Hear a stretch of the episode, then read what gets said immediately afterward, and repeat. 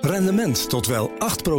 Ontdek Unity. Wij bieden koppelbare werk, kantoor en opslagruimtes die staan voor duurzaamheid, kwaliteit en veelzijdigheid. Sluit je aan bij Unity, waar alle ruimte is voor creativiteit, lef en rendement. Kijk voor meer informatie op unity-units.nl.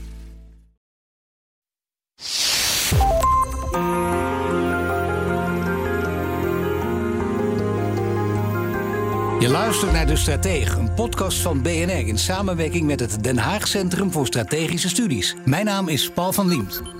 Zowel binnen als buiten Europa hebben de democratieën het zwaar te verduren, ook in Nederland. En een van de boosdoeners voor politiek en burgers is het gebrek aan grip op digitalisering. Dat besprak ik vorige week met Kees Verhoeven, voormalig Kamerlid van D66 en schrijver van het boek De Democratie Crashed. En met Linde Arendsen, strategisch analist van het Den Haag Centrum voor Strategische Studies binnen de verzuiling waren politieke partijen ook een brug tussen het bestuur en de burger. Omdat die grote, brede politieke partijen konden uitleggen: dit is daarom zo gegaan. Dit is waarom we het zo hebben moeten doen. Dit is waarom we polderen. Terwijl nu zie je dat al die snippers, die zijn veel meer op, op hun eigen core gericht. En helemaal niet meer die uitwisseling met andere snippers. Waardoor je dus die, die eigen waarheden krijgt. Waarbinnen je je super comfortabel voelt. Dus iedereen trekt zich eigenlijk terug naar zijn eigen waarheidsomgeving. Zo noem ik het. Een waarheidsomgeving waarbij je dus alleen maar gelijkgestemden vindt. Die, die heel lekker aanvoelen. Vandaar dat je het vertrouwen in de medemens groter wordt. Want je zit lekker in je eigen waarheidsomgeving. Maar op het moment dat je buiten je waarheidsomgeving moet trainen. Met iemand anders in debat moet gaan. Ja, dan heb je het eens niet meer over een, een normaal debat. Wat je ergens van vindt. Maar dan heb je het over een debat. Wat is nou eigenlijk de waarheid? Dus is geen startpunt van een debat meer. Ja, maar dat is een belangrijke analyse. Maar hoe, hoe kun je dit doorbreken? nou ja, wat, nog één zin. Dat, dat is dus, deze analyse is super problematisch voor die rechtsstaat. Want de rechtsstaat is juist gebaseerd op het, uitwe- eh, het oplossen van conflicten op basis van een gedeelde waarheid. En als je geen gedeelde waarheid hebt, kun je de conflicten niet meer op een democratische manier oplossen. Nou, dat is dus echt wel erg wat er aan de hand is. Eh, daarom crasht de democratie, om het zo maar even te zeggen. Maar de oplossing, ja, daar heb ik geen goed nieuws, eh, eh, Paul. Want dat is een, eh, wat ik altijd noem, een gezamenlijke en geleidelijke oplossing. Dus we zijn er met z'n allen langzaam hier ingekomen. We hebben het over de verzuiling en de, de periode vanaf toen, dat is, nou, wat is het, 50 jaar. En we hebben niet één druk op de knop dat we zeggen, nou, kiesdrempel omhoog of meer Kamerleden en dan lossen we het op. We zullen met z'n allen alle betrokkenen, zelfs de kiezers, zullen op een bepaalde manier hun verantwoordelijkheid moeten gaan nemen om het, om het tijd te keren. Kees Verhoeven en Linda Arendsen zijn ook nu mijn gasten, want we gaan vragen van luisteraars beantwoorden. Ja, en, eh, Linda en Kees, ik zal ze even om de beurt eh, even jullie voorleggen. We beginnen met uh, Bjorn de Bakker 1, dat is echt een goede luisteraar, die heeft goede vragen. Die begint met, waarom geven politici zo vaak het slechte voorbeeld door elkaar voor rotte vis uit te maken? Want daarmee ondermijn je toch de voorbeeldfunctie die je hebt. Linde. Ja, het is effectief. Ik denk dat dat in de eerste instantie misschien uh, wel interessant is om te benoemen. Um, ja, we zien nu natuurlijk dat uh, zaken die in de Tweede Kamer worden besproken eigenlijk altijd wel op sociale media terechtkomen en daar veel emotie kunnen op, opwekken. Um, en dat is effectief. Ja, het is effectief, dus je zou met elkaar moeten afspreken als ze dit niet doen. Als jij het niet mag, dan mag ik het ook niet. zoals het dan geweldig in het Engels heet, level playing field, gelijk speelveld voor iedereen. Dan zou het kunnen werken. Um, ja, dat, dat weet ik niet goed. Ik, ik denk het, het overkoepelende probleem is, is dat die uh, uh, uh, omgangsvormen in de Tweede Kamer gewoon ontzettend verhard zijn. En dat heeft ook deels te maken met, met de polarisatie en met de versplintering in de Tweede Kamer. Ja, je zou hier iets aan moeten doen, want je ondermijnt je voorbeeldfunctie. Het is, het is niet goed elkaar voor rotte vis uitmaken. Vorige week, Kees, heb jij ook een paar voorbeelden gegeven. Het begon met even dimmen van Jan Marijn. Ja. Dat is lang geleden. Er was heel veel ophef over, terwijl nu beginnen we er bijna om te lachen, wat, wat flauw, want nu hoor je hele andere termen. Ja, ja. Maar wat zou je er aan kunnen doen? Want je gaf vorige week ook al iets, hè? een voorbeeld in een bepaalde richting. Nou ja, je hebt natuurlijk, allereerst heb je gewoon een voorzitter nodig die gewoon heel duidelijk kan zeggen tot hier en niet verder. En je ziet nu vaak dat dat dat heel erg lastig is, omdat het allemaal zo snel gaat. En die voorzitter dan ook denkt van, moet ik hiermee? Want ik moet de balans bewaren. Ik moet niet het, het, het verwijt krijgen dat ik altijd de, de, coalitie steun of wat dan ook.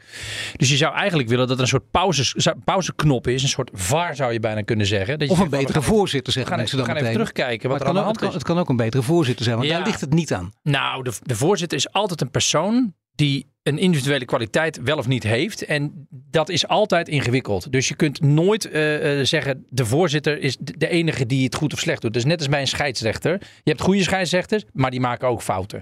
Dus het, je kunt een goede voorzitter hebben, maar je hebt ook de steun van het presidium nodig. En de hele Tweede Kamer moet de verantwoordelijkheid nemen. Als iedereen zich onverantwoordelijk gedraagt, dan sta je als Kamervoorzitter machteloos. De vergelijking met voetbal is inderdaad fantastisch. Want ook al ben je nog zo'n goede scheidsrechter, op een gegeven als iedereen uh, spullen, weet ik voor wat aanstekers en andere dingen het veld opgooit. En alle spelers continu naar je toe lopen. Bij bekerfinale Ajax PSV een beetje gezien. Dan delf je altijd het onderspit. Dus je moet inderdaad vergelijken met voetbal doortrekken. Je begon al, hè, wat je vorige week ook zei, die VAR. Wat, wat, wat bedoel je daar precies mee? Want dat heeft te maken met vertragen waar het ook over gaat. Hier nou, we hebben de afgelopen jaren hebben een aantal keer gezien dat, dat er een, een situatie plaatsvond in een debat. Waarbij uh, iemand een bepaalde term gebruikte, er iets gebeurde. Waar eigenlijk in een split second op gereageerd moest worden. En vervolgens werden dagen later werden er allerlei analyses gemaakt. Wat betekende dit nou precies? Bijvoorbeeld dat woord tribunalen, wat op een gegeven moment door een, een, een lid van de Tweede Kamer is gebruikt ten opzichte van een ander Tweede Kamerlid. Dat heeft een zware rechtsstatelijke uh, lading die niet in één seconde geanalyseerd kan worden. Dus wat je soms zou willen, is wat er altijd gebeurt nu in de kranten en de media, met allemaal kritiek op de, de, de scheidsrechter, de voorzitter. Dat je zegt van jongens, wat is nu eigenlijk aan de hand? Laten we dit eens eventjes bespreken. Dat gebeurt soms al, maar het is geen vast instituut in de Tweede Kamer. En misschien zou je daar naartoe moeten, want het gaat allemaal zo snel, uh, waardoor je eigenlijk helemaal niet weet wat er eigenlijk echt aan de hand is. Ja, lijkt dat een goed idee, Linde? Want als ik er zo over nadenk, dat ik vorige week ook al, dan denk ik, ja, wacht even, het is, uh, het is inderdaad een VAR. Je legt het stil, je vertraagt het, je gaat extra de nadruk leggen op dat woord. Of allemaal denken, wat, wat is hier aan de hand? Er wordt er echt over nagedacht. Heb je al die kritiek en al die hoogleraren later helemaal niet nodig. Want op dat moment kun je dan denken, we leggen het even stil. Laat er een VAR rustig naar kijken. En die zeggen dan, nou ja, we hebben er nu. Desnoods trek je daar een kwartier, twintig minuten voor uit. We hebben er goed naar gekeken, belangrijk genoeg. En dit kan niet, dit kan gewoon echt niet. Is, is dat een goed idee? Ja, dat denk ik wel. Ja, ik denk dat, er, uh, dat, dat het zeker gebaat zou zijn bij, uh, bij het inbouwen van een soort rust op sommige momenten. Uh, we zien dat polarisatie in Nederland, waar natuurlijk wordt gereflecteerd in de Kamer, historisch hoog is. de emoties spelen gewoon een heel grote rol. En ik denk dat het heel erg effectief zou zijn als je iets zou inbouwen om, om ervoor te zorgen dat dat wat minder hard gaat en minder heftig is. Ja. Je zegt op Twitter, even tot tien tellen. He, ja. dat, is een, je, je, dat is wat je kinderen leert. Hè? Even tot tien tellen. Je wil, als je een moeilijke beslissing wil nemen, slaap er een nachtje over. Zeker. Dus het, het, het, het, het vertragen van een beslissing, een oordeel, dat is een van de belangrijkste dingen in de, in de tijd waarin we leven. Er is allemaal meer informatie gekomen die steeds sneller op ons afkomt. En heel veel mensen hebben het gevoel van wat is er aan de hand? En je moet de tijd kunnen nemen, dus ook in de Tweede Kamer, maar ook op andere momenten, om even rustig te kijken wat is er nou echt aan de hand. En die tijd nemen we nooit meer. We gaan direct reageren op Twitter. We gaan direct een oordeel vellen over bepaalde dingen. Dat is heel menselijk. Alleen het werkt in deze tijd niet meer. Dus we zullen dat moeten organiseren. Ja, mensen die nu al tegen zullen zijn, want dan krijg je meteen ja maar. Dat moet je even niet doen. Je moet dit ook laten bezinken. Dat idee van die VAR. Een ja maar is ja maar. Kan het 20 minuten? Kan het een uur gaan duren? Nee, 20 minuten. Dat is vaak al genoeg. Dan heb je enige reflectie. Enige misschien een kwartier. Dan moet je over nadenken wie je daarin zet. Het, het is echt, het klinkt als een waanzinnig goed idee. Ja, heb je, is dit is al eerder uh, naar voren gekomen? Of is dit gewoon even wat uh, wat jouw brein hier gewoon uh, naar nou, spuit. Zeker nog, dat kwam in een soort wisselwerking tijdens het gesprek kwam het omhoog. En nu zijn we ineens tot, tot dit idee gekomen. Ik heb het nog nooit eerder bedacht of gehoord. Het enige wat ik wel heb gezegd is vertragen in zijn algemeenheid. Maar een VAR in de Tweede Kamer heb ik nog nooit eerder uh, zo concreet bedacht. En er zal vast wat uitwerkingen aan vastzitten. Maar waarom niet? Laten we daar naar kijken. Overigens, ja maar, dat heb ik al sinds ik ongeveer met, met, politiek bemoeide. Bij alles wat ik zei, ja. altijd ja maar. Big tech aanpakken, ja maar. Je kunt toch niet Facebook uh, buiten het land houden. Een smartphone uit de Tweede Kamer, ja maar. We kunnen, moeten toch altijd bereikbaar zijn. Gewoon eventjes het idee uitwerken. En ik ben de eerste die het ook weer schrapt uit mijn, uit mijn balboekje. Dan de tweede, uh, Jack Ties, die vraagt: Het vertrouwen lijkt laag. Is dat wel te herstellen nu de samenleving sterk gepolariseerd is? Met andere woorden, doet de politiek er niet beter aan om het niet zo te benadrukken dat ze het vertrouwen willen herstellen? Linde. Ja, dat is een hele goede vraag. Um, wat ik denk is um, dat het sowieso ontzettend belangrijk is om niet constant te focussen op het vertrouwen en het willen herstellen van het vertrouwen. Dat is natuurlijk niet een heel tastbaar begrip. Um, wat we onder andere in het onderzoek dat we bij HCSS hebben uitgevoerd uh, hebben gevonden, is dat het eigenlijk een hele belangrijke wisselwerking is tussen het vertrouwen in de rechtsstaat en, het en de gezondheid van de rechtsstaat. Op het moment dat de uh, rechtsstaat niet gezond is, dan is het vertrouwen erin laag. Het werkt niet goed. Je ziet vervolgens ook, uh, als het vertrouwen dan laag is, dat de rechtsstaat niet goed kan functioneren. Mensen melden dingen niet bij de politie. Uh, ze gaan niet meer stemmen. Ze zijn eerder geneigd om ondermijnend gedrag te, te vertonen of te accepteren. Dus daar is natuurlijk een, een, hele sterke wisselwerking tussen. Dus ik denk dat het als politiek zijnde, als de regering zijnde, je wil daar een oplossing voor vinden. Dat ben ik het ermee eens dat het misschien niet een goed punt is om heel erg te focussen op het herstel van het vertrouwen, maar op het herstel van de gezondheid van de rechtsstaat. Vind je dat ook, eh, Kees, of niet? Ik bedoel, eh, kijk, het, het, is, het is eigenlijk een beetje misschien wel kip-ei-achtig verhaal. Maar de politiek zou er beter aan kunnen doen om het niet zo te benadrukken. Want als je dat steeds maar roept, dan krijg je dus elke dag ook weer media die daarover reflecteren. Ja. Ook leraren, andere deskundigen. Zou ik, zou ik de term wederzijds mogen toevoegen aan de, aan de discussie? Want we hebben het heel de tijd over dat de burger geen vertrouwen meer heeft in, in de politiek. Of in de overheid, meer nauwkeurig gezegd de overheid. Maar de overheid heeft ook geen vertrouwen meer in de burger. Gezien het feit dat de overheid allerlei wetten optuigt in de afgelopen tien jaar. met allerlei bevoegdheden om op basis van data, digitale technologie, algoritmes. mensen te controleren of ze geen slechte, stoute, verkeerde dingen doen. Ja. En dat wantrouwen wekt weer wantrouwen de andere kant op. Dus ik zie, wan, uh, ik zie uh, vertrouwen als een tweerichtingsweg. en ik denk dat de overheid aan zet is om het vertrouwen te herstellen. Op de manier zoals Linde het net al uh, uitlegde, vind ik verstandig. Niet te zeggen, hey, kijk mij eens, ik ben het vertrouwen aan het herstellen. Werkt natuurlijk niet. Uh, maar je kan wel laten zien uh, hoe noem je dat? Uh, dat je het niet zegt, maar dat je het doet. Uh, talk, don't tell. Nee, tell, nee. nou, show, don't even, tell. Show, don't tell. Dank je. Dat is, vorige week kwam ik er ook al niet uit met, met, ja. met Hops, geloof ik. En nu, nou, dat is, ja, ja, ik word ook een dagje ouder, zullen maar zeggen. Maar dat je dus inderdaad zegt van we gaan laten zien dat wij die burger wat meer vertrouwen geven. Ik denk dat dat uiteindelijk een langzame route naar andersom meer vertrouwen is. Nou, dat sluit heel mooi aan bij een andere vraag van, van een van onze luisteraars. Die, die vraagt hoe zou het vertrouwen van de burger in de democratische rechtsstaat kunnen worden versterkt? En welke rol spelen bestuursrechtjuristen daarin? Is daar, Linde, denk je, bestuursrechtjuristen, zou die, is het, is het echt zo'n kwestie? Daar vereng je hem natuurlijk wel mee. Ja, dat is een lastige dit. Hè? Dat is een lastige vraag. Uh, dat vereist eigenlijk een nieuw onderzoek. Ja, ja, eigenlijk wel. Ja. Het is sowieso inderdaad, uh, valt dat niet echt binnen, binnen de strekking van het onderzoek dat we bij HCSS hebben uitgevoerd. We, uh, nee, maar het interessant is bijna bij mm. alle punten die jullie aanhalen kun je zeggen, maar uh, ja, dan moet je in een, in een wet zien te vatten of daar moet, je, daar moet je juristen over laten buigen. En dan maak je er zoiets iets cools en afstandelijks van wat voor ons allemaal geldt. Maar ja. dat is, jullie zeggen eigenlijk dat is maar één specialisme.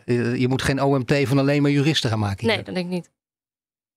Maar spelen ze wel de voornaamste rol, Kees, of niet? Nee, denk ik eerlijk gezegd. Nog niet? Nee, ik denk echt dat het een brede... Va van die OMT-vergelijking is natuurlijk wel wat we gezien hebben. Hè? Dat, dat, ja. dat een, een selecte groep op gezondheid, volksgezondheid gerichte wetenschappers... het eerste jaar van corona zwaar dominant was in de keuzes. Waardoor hetzelfde Tweede Kamer, mijzelf in kluis echt het gevoel had, nou ja, laten we hier maar even afblijven.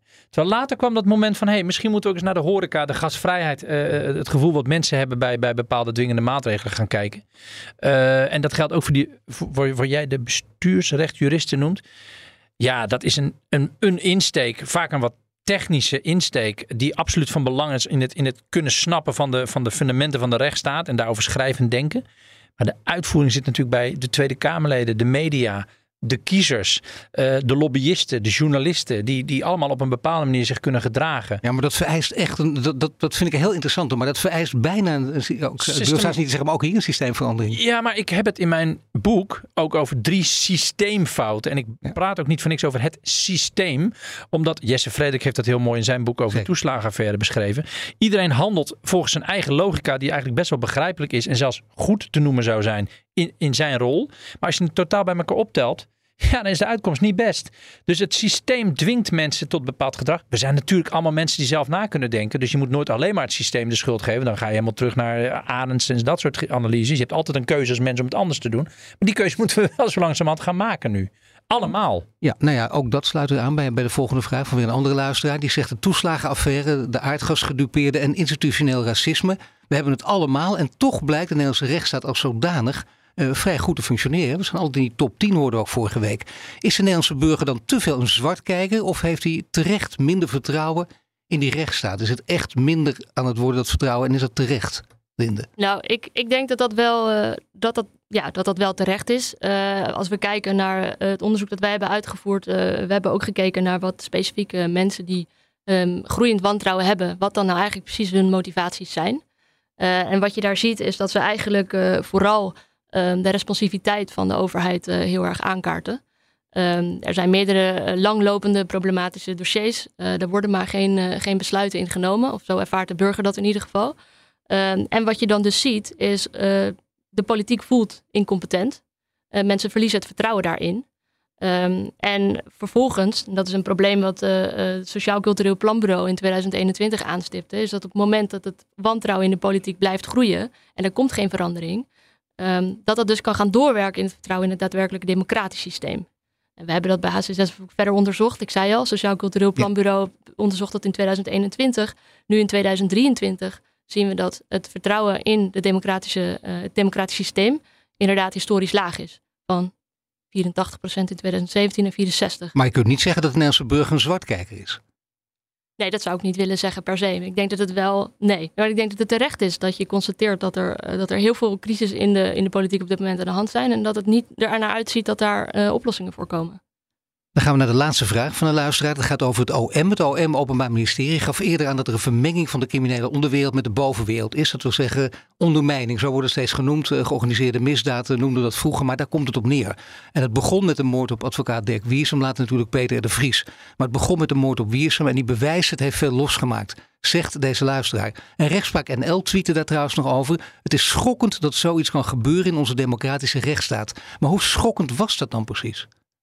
De moord op een, uh, op, een, op een drager of een, op een of functionaris uh, van, van de democratische rechtsstaat, wat een, wat een advocaat is, wat een onderzoeksjournalist is, uh, dat is uitermate schokkend. Uh, dat is natuurlijk ook met Pim Fortuyn een politicus.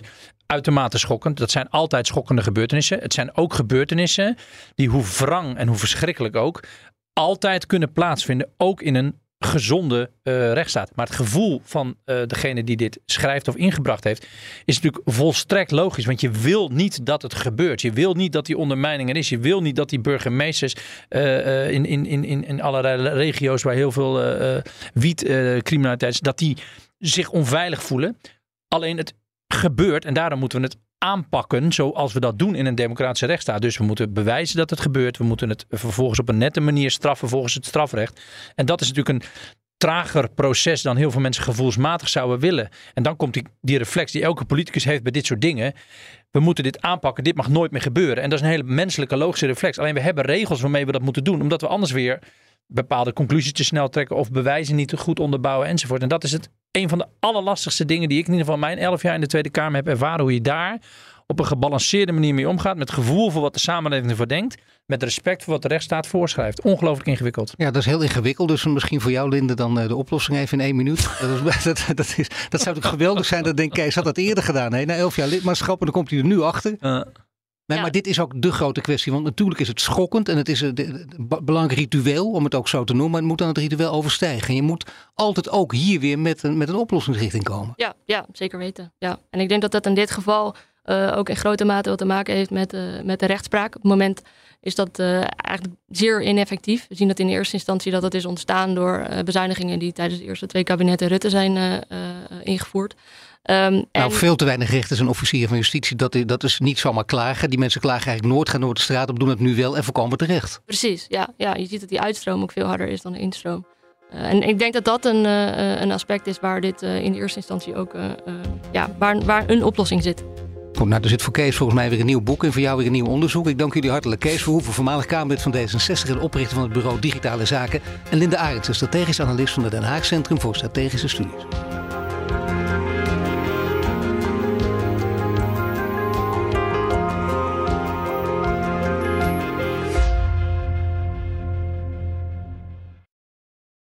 Rendement tot wel 8%.